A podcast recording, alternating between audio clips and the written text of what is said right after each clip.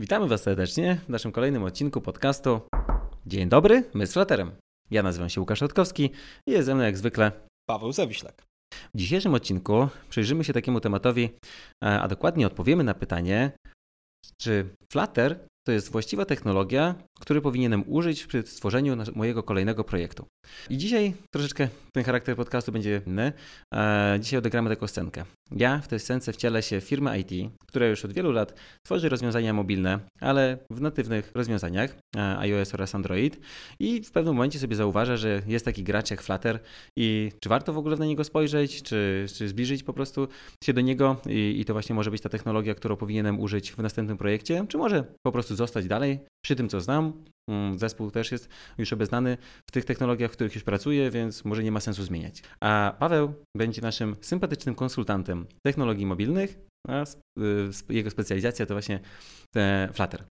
Zacznijmy od pierwszej kwestii. Spójrzmy, że mój klient chciałby stworzyć aplikacje mobilne e, i ma takie pytanie, czy e, tworząc aplikacje we Flutterze, te aplikacje będą wyglądały tak jak technologie natywne, czyli będą właśnie zbudowane z tych samych komponentów, takich jakich wykorzystujemy na Androidzie, oraz takich samych komponentów, jakie są dostępne w iOSie. Czy to jest możliwe?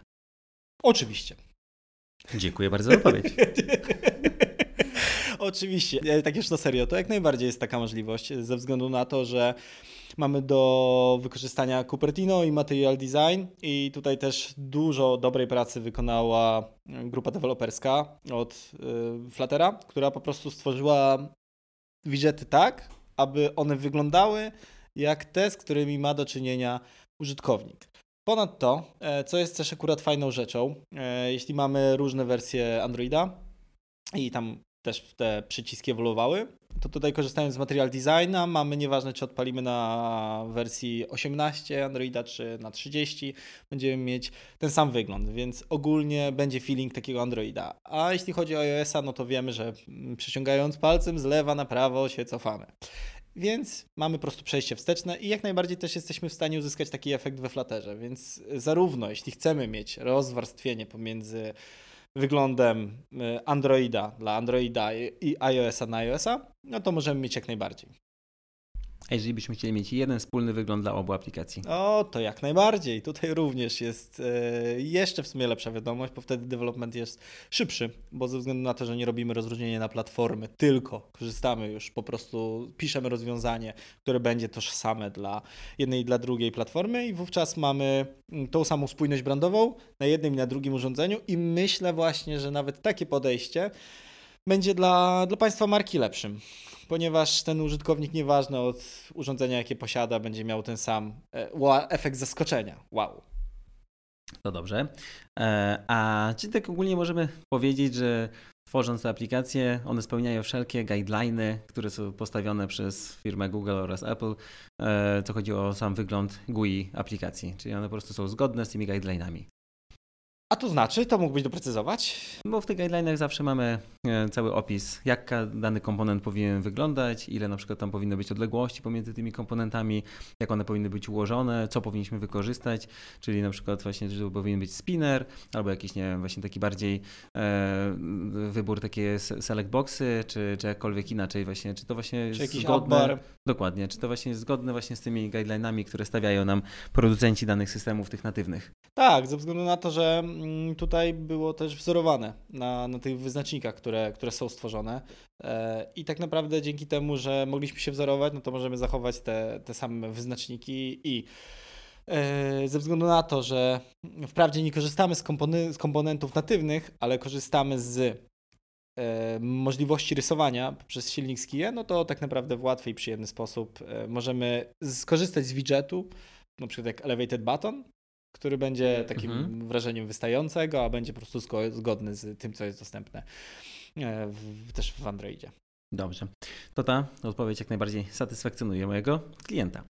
Kolejna kwestia, skoro już jesteśmy przy GUI i ogólnie wyglądu i komponentach, to czy płynność animacji oraz responsywność do naszej aplikacji to już ten temat poruszyliśmy w naszym poprzednim odcinku, gdzie rozmawialiśmy o tym, jak Flutter wypada na tle konkurencji, co chodzi o wydajność.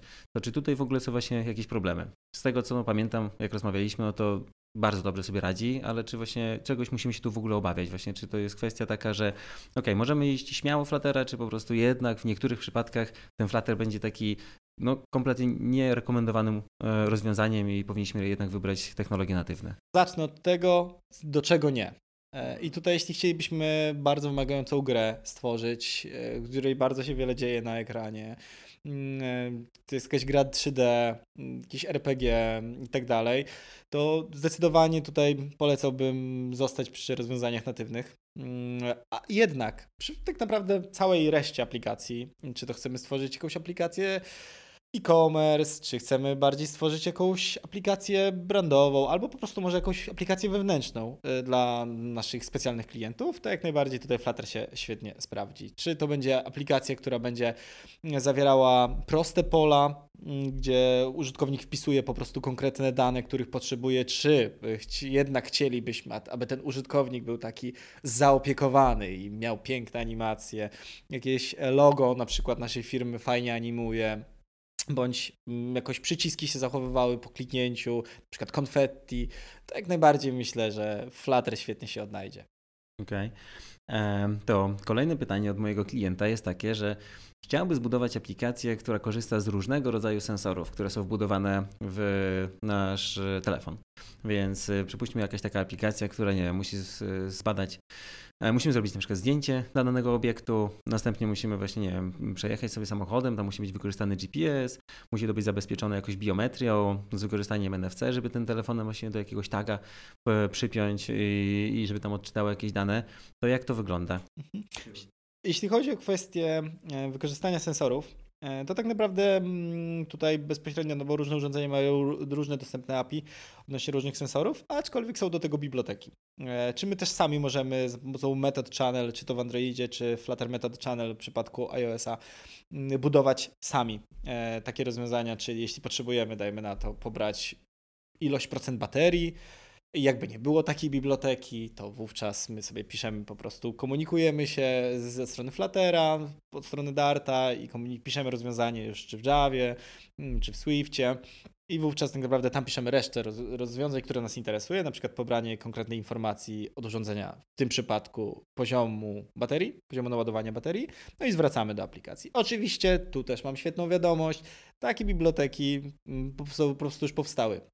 Więc tak naprawdę bezpośrednio jesteśmy w stanie, posiadając zespół, e, w szybki sposób zaimplementować, czy to chociażby GPS-a, czy to chociażby aparat. Więc tak naprawdę w zależności od tego, co potrzebujemy, to rozwiązanie albo już istnieje, albo możemy po prostu e, stworzyć takie rozwiązanie, jeśli potrzebujemy. A jak wygląda kwestia, jakbyśmy chcieli wykorzystać peryferia zewnętrzne? Czyli mamy drukarki jakieś fiskalne, które komunikują się na przykład, nie wiem, przypuśćmy przez Bluetooth albo przez Wi-Fi, albo czujniki temperatur, to czy możemy się podpiąć pod tego typu urządzenia, tak jak możemy to właśnie wykorzystywać na technologiach natywnych? Więc producent dostarcza jakieś SDK e, albo jakąś tam bibliotekę, albo po prostu protokół jakiś, nie wiem, po REST API na przykład, żeby wywołać z konkretnym urządzeniem e, i czy to jest możliwe też właśnie we Flutterze? No, jak najbardziej, jeśli chodzi o kwestie restowych zapytań, no to wówczas mamy klasyczne połączenie poprzez y, zapytanie i odpowiedź. A jeśli chodzi o kwestie y, takich rozwiązań, które korzystają chociażby z Bluetooth, no to tak naprawdę implementując rozwiązanie, które daje nam mm, komunikacji z API poprzez konkretny sensor, poprzez konkretny moduł, który występuje w urządzeniu, to wówczas mm, mamy jak najbardziej całą przestrzeń otwartą. No bo jeśli jesteśmy w stanie wykorzystać rozwiązanie, które jest już w danym urządzeniu, to tak naprawdę ta komunikacja przebiega już po prostu płynnie. Okej. Okay. E, kolejną kwestią, jako klient mi tutaj zadał takie pytanie i jest w wymaganiach e, projektowych, to jest kwestia tego, że aplikacja powinna działać na urządzeniach mobilnych, ale także i na smartfonach. E, jakich smartfonach? Smartwatchach. O proszę. Więc jak to wygląda? Czy po prostu możemy zapewnić jedną aplikację, która właśnie ma taka główna core, jakby aplikacja jest na urządzeniu mobilnym, ale jakaś taka mała funkcjonalność jest wy, nie wydziedziczona, tylko wydzielona. wydzielona. Na, na urządzenie, na smartwatcha. Okej, okay. jeśli chodzi o kwestię dostarczania rozwiązania na, na szersze spektrum tych urządzeń e, niż tylko smartfony, e, to tak naprawdę możemy, jesteśmy w stanie zbudować tą aplikację i na smartfony, na, na weba, na, na urządzenia desktopowe, ale też na, na te smartwatche. Powiem szczerze, że nigdy nie miałem jeszcze przyjemności pisać nic na smartwatcha. Jednak jeśli chodzi o kwestię sam stworzenia samego, samego rozwiązania, to jak najbardziej możemy e, dostarczyć takie rozwiązanie. Też wiem, że nie na wszystkie mm, smartwatche na ten moment, wiem, że od Apple'a nie spotkałem się przynajmniej mhm. z, chociażby z takim, z takim rozwiązaniem dotychczas. Ale jeśli chodzi o kwestię takiej możliwości elastyczności, to tutaj za pomocą Fluttera też jesteśmy w stanie dostarczyć właśnie na, na smartwatcha, czyli będąc w obrębie jednej technologii, jesteśmy w stanie na różne urządzenia dostarczać to, co potrzebujemy. Okej. Okay. Mm, kolejny case to jest klient z obszaru wirtualnej rzeczywistości, ogólnie augmented reality i tutaj jest takie pytanie, czy można w ogóle stworzyć aplikację na Fluttera z wykorzystaniem właśnie tych technologii? Czy ta aplikacja będzie spełniać te wszystkie wymagania, które tam można postawić, jakieś tam pokazywanie obiektów na, e, na naszym telefonie albo po prostu e, wirtualną rzeczywistość zaimplementować. Jak najbardziej. Mm, jeśli chodzi o kwestię aplikacji, to dobrym przykładem jest chociażby ta aplikacja, która jest y, w showcase'ie e, flatterowych aplikacji, a mianowicie Wallis and Gromit. Tam akurat przykład tego, jak można w ładny sposób zaimplementować tą rzeczywistość rozszerzoną. E, tak naprawdę korzystając e, już z takich elementów, które wymagają mm, już umiejętności graficznych, żeby stworzyć chociażby te postacie, czy jakieś elementy robotów, jakieś piłki i tak dalej, to tak naprawdę jesteśmy w stanie wykorzystać przy wykorzystaniu zewnętrznych narzędzi, stworzyć sobie chociażby takie animacje i też zaimplementować bezpośrednio już do, do aplikacji. Pamiętam, jak e, kilka dni temu opowiadałeś, jak z Anią biegaliście po biurze i łapaliście jakieś tam robociki czy króliczki. Dokładnie. Więc to musiało być niezła zabawa. Dobrze, czyli tutaj widać, że w tym e, obszarze także Flutter daje radę. E, kolejny obszar, jaki bym chciał poruszyć, e, to tutaj to już wielu klientów chciałoby ogólnie w tym, no, no byłoby zainteresowanych ogólnie tym obszarem jak to w ogóle wygląda, ponieważ to jest obszar związany z integracją z zewnętrznymi platformami. Mamy wiele na rynku różnych zewnętrznych platform, e, z których możemy skorzystać. Rozwiązania natywne dostarczają świetne wsparcie przeważnie do tego, bo to jest głównie pisane pod to. I tutaj właśnie, czy możemy sobie też we Flutterze wykorzystać te e, zewnętrzne platformy. No jedną z takich wiodących platform i bardzo mocno kojarzących się z technologiami mobilnymi to jest platforma Google Firebase, której chyba nikomu nie trzeba przedstawiać i ona ma wiele różnych e, modułów, z których możemy sobie skorzystać, funkcjonalności i jak wiemy technologie natywne są w ogóle świetnie e, zaopiekowane, co chodzi o, o, o Google e, od strony właśnie Androida i tak samo Google bardzo mocno wsparcie pod iOS-a zapewnił tutaj w tej platformie. A jak to w ogóle wygląda z Flutterem? Bo Flutter jest rozwiązaniem Google'owym, więc no, domyślam się, że to także musi pięknie śmigać razem z Flutterem, ten Google Firebase. I tutaj Cię zaskoczę, wcale się nie mylisz. No, no, dokładnie. A jeśli chodzi o kwestię rozwiązania, tak najbardziej jest pełna integracja z Firebase'em, jeśli chodzi o kwestię dostarczania aplikacji, które są e, zapięte po prostu pod to rozwiązanie i czy potrzebujemy E, NoSQL, no, no bazy, czy potrzebujemy chociażby jakiegoś, jakiejś pamięci, czy potrzebujemy mm, analityki, tak najbardziej możemy sobie mm, tak naprawdę to wpiąć. I co więcej, tak naprawdę Firebase daje nam bardzo wiele, ale też są rozwiązania zewnętrzne e, różnych prowajderów, czy to z płatności, czy to z logów, które my jesteśmy sobie w stanie zaimplementować. E, I co jest też fajne, my nie potrzebujemy się ograniczać tylko i wyłącznie do jednej platformy. Oczywiście możemy, co, bo jeśli chcemy, jeśli mm, to, co dana platforma nam dostarcza, wystarcza nam w zupełności, to jak najbardziej. Jeśli chcemy zaimplementować 2, 3, 5, 7, 10 rozwiązań dodatkowych, to why not? Jakbyśmy troszeczkę się tak e, zeszli o poziom niżej, trochę bardziej do technikali, e, takiego technicznego aspektu, właśnie odnośnie samych takich płatności. Przypuśćmy, mamy właśnie jakieś różne rodzaje e, firm, które dostarczają rozwiązania płatności, możemy sobie zaimplementować je w aplikacji. To jak to się odbywa? Oni dostarczają konkretną bibliotekę, z której możemy skorzystać, czy to jest po prostu, musimy robić jakieś, nie wiem, dodatkowe mosty, albo w ogóle, nie wiem, przepisać na przykład część w ogóle jakiś taki no, kanał po prostu sobie stworzyć tej komunikacji, żeby to działało, czy po prostu to jest bezpośrednio, natywnie dostarczone przez producenta?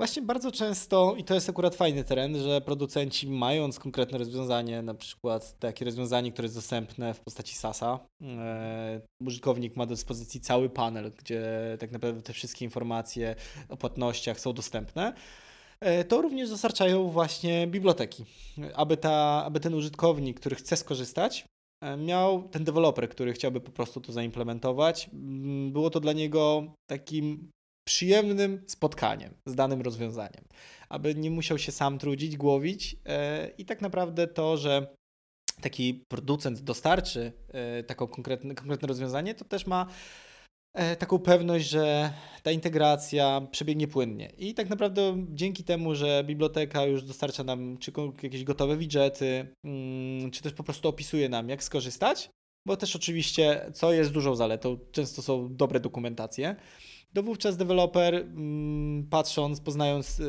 taką dokumentację, jest w stanie w stosunkowo krótkim czasie, nawet gdy wcześniej nie miał styczności, to jest w stanie się po prostu zintegrować. To jest duża zaleta właśnie. E, a skoro już jesteśmy przy tych technicznych aspektach, to mam jeden taki temat, który może nie jest już mocno związany bezpośrednio z klientem, ale to bardzo mocno wpływa na to, w jaki sposób tworzymy nasze oprogramowanie i jak szybko ono jest tworzone i przekłada się na jakość tego oprogramowania. A są to rozwiązania Continuous Integration oraz Continuous Delivery to tutaj mamy kilka platform takich wiodących, które wspierają te procesy, czyli na przykład y, Bitrise, IO czy Fastlane i czy Flutter ma wsparcie, pod, y, żeby podpiąć go po prostu pod, pod te procesy i żeby sobie automatycznie ten cały flow budowania aplikacji, testowania, wypuszczania wersji e, zautomatyzować. Oczywiście. Tutaj też jak najbardziej mamy możliwość. Te wspomniane rozwiązania e, są dostępne i jak najbardziej one w pełni działają, czy to właśnie Fastline, czy Bitrise. E, to zależy już od preferencji i wyboru dewelopera, bądź po prostu całego zespołu. E, jednak no, najważniejsze jest to, że one działają i to działają na środowiskach mm, produkcyjnych. Spotkałem się jak najbardziej w przeróżnych aplikacjach, gdzie jest to po prostu wykorzystywane. Mhm, Okej, okay, super. Kolejna rzecz, to są rozwiązania mm, ogólnie już zapisu e, danych na urządzeniu oraz samej komunikacji właśnie z tymi serwisami różnych protokołów.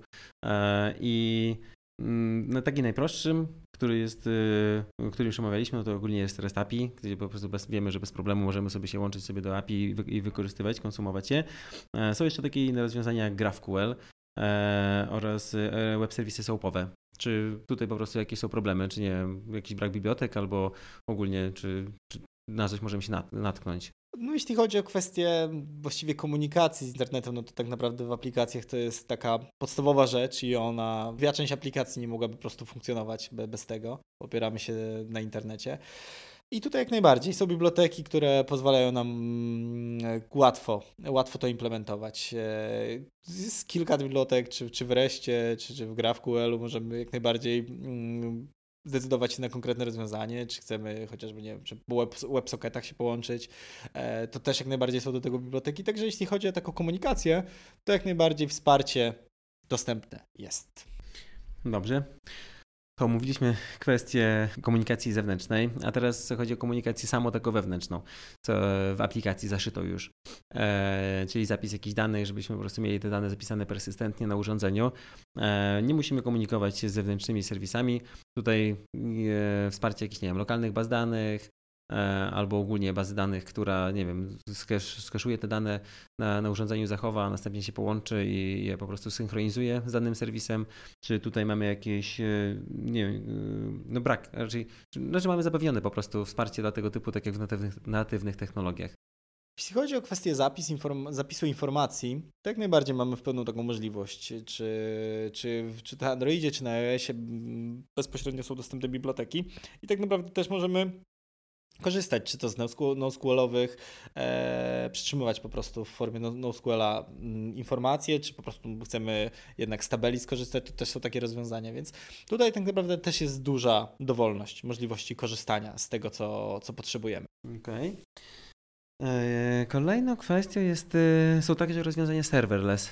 E, tak zwane, które po prostu nie potrzebują jakiejś tej warstwy serwerowej. Możemy sobie ją gdzieś tam napisać w rozwiązaniach różnych sasowych i wykorzystać e, do komunikacji bezpośrednio z aplikacją, czyli bardzo szybko pozwala nam to stworzyć aplikację mobilną, a zarazem jakiś tam, jakąś logikę biznesową zaszyć, zaszyć na, e, na jakimś rozwiązaniu cloudowym na przykład, czy w ogóle same rozwiązania cloudowe. GCP, AWS, ogólnie Azure, czy one dostarczają jakieś specjalne usługi, które w jakiś sposób przyspieszają w ogóle sam development albo po prostu no, lepiej po prostu z tego skorzystać niż budować swoje jakieś własne rozwiązania lokalne? Oczywiście to zależy od tego, co chcemy osiągnąć e, i też w zależności od tego, jak mamy, jakie, jakie mamy moce przerobowe i jaką mamy też wiedzę.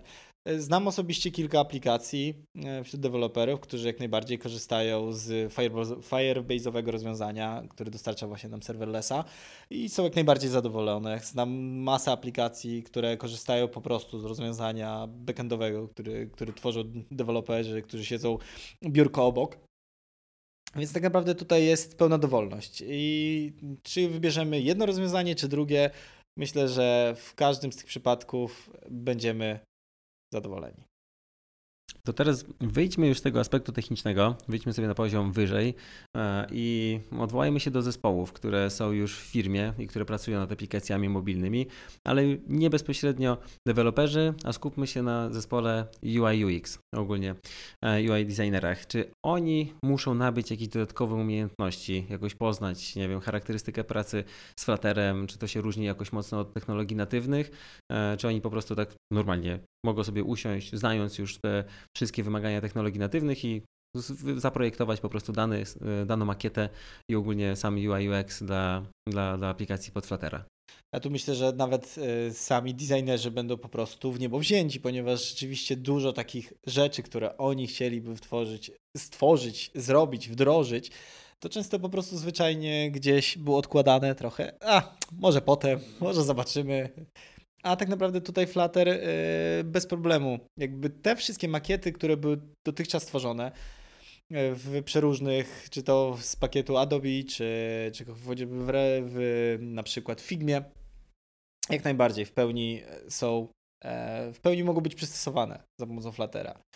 Więc to jest zdecydowanie duży plus, gdzie właśnie ten designer ma przestrzeń, ma taką mhm. przestrzeń większą do, do, do tego, co, co zrobić. Ponadto, jeśli zaimplementujemy chociażby w Rive animację stworzymy, to ona też się może świetnie odnaleźć w aplikacji, więc ta aplikacja naprawdę e, z tą wiedzą, którą mamy, może zrobić duże wow. Czyli tak mówiąc, designerzy bardziej woleliby pewnie pracować z aplikacjami, które są opisane w Flutterze niż, niż natywne. Oczywiście Mają większe do, pole do popisu. Do tej pory słyszę, o dziękujemy, tam listy są wysyłane do Google'a. No tak właśnie wygląda rzeczywistość. Okej. Okay. E, a skoro mówiliśmy już o e, designerach, e, to wróćmy do programistów. Jak wygląda aktualnie rynek pracy? Bo ktoś musi wykonać te aplikacje i Flutter nie jest taką już technologią, która jest utarta na rynku i od wielu lat już istnieje, więc tych programistów zapewne jest zdecydowanie mniej niż w technologiach natywnych. Ale jakbyś to w ogóle określił tak swoimi słowami, jak to wygląda na chwilę obecną, co chodzi o rynek polski? No jeśli chodzi o kwestię deweloperów, e, tak naprawdę ta ilość rośnie. E, wzrasta się, ponieważ tak jak każda nowa technologia, jeśli prezentuje coś ciekawego, daje jakieś nowe możliwości, to też pojawia się rzesze fanów, którzy mówią, o, w tym jest fajnie skorzystać. To też wynikało z analizy SWOT, że to było takie zagrożenie, że tych deweloperów, mhm. niestety mm, bardzo, bardzo doświadczonych. No, technologia zresztą też nie jest turbo długo na rynku, więc nie ma aż tak. Jednak z każdym miesiącem, z każdym kwartałem ich po prostu przybywa. Więc e, jeśli chodzi o kwestię osób, to myślę, że jak najbardziej jesteśmy w stanie znaleźć już osoby, które pomogą nam, dadzą nam po prostu taką szansę tego, że stworzą tą aplikację. No okej, okay, a jakby była taka sytuacja, że po prostu chcemy wykonać projekt we Flutterze, ale szukamy na rynku i nie ma tych osób po prostu i nie ma kto nam po prostu tego zrobić, to jak najszybciej można byłoby prze, przekształcić aktualne osoby, które istnieją w firmie, zasoby, czyli programiści na przykład, nie wiem, może natywni, może jacyś e, programiści związani z technologiami frontendowymi, może im bliżej byłoby na przykład do przeswitchowania się na Fluttera, to gdzie moglibyśmy szukać takich rozwiązań?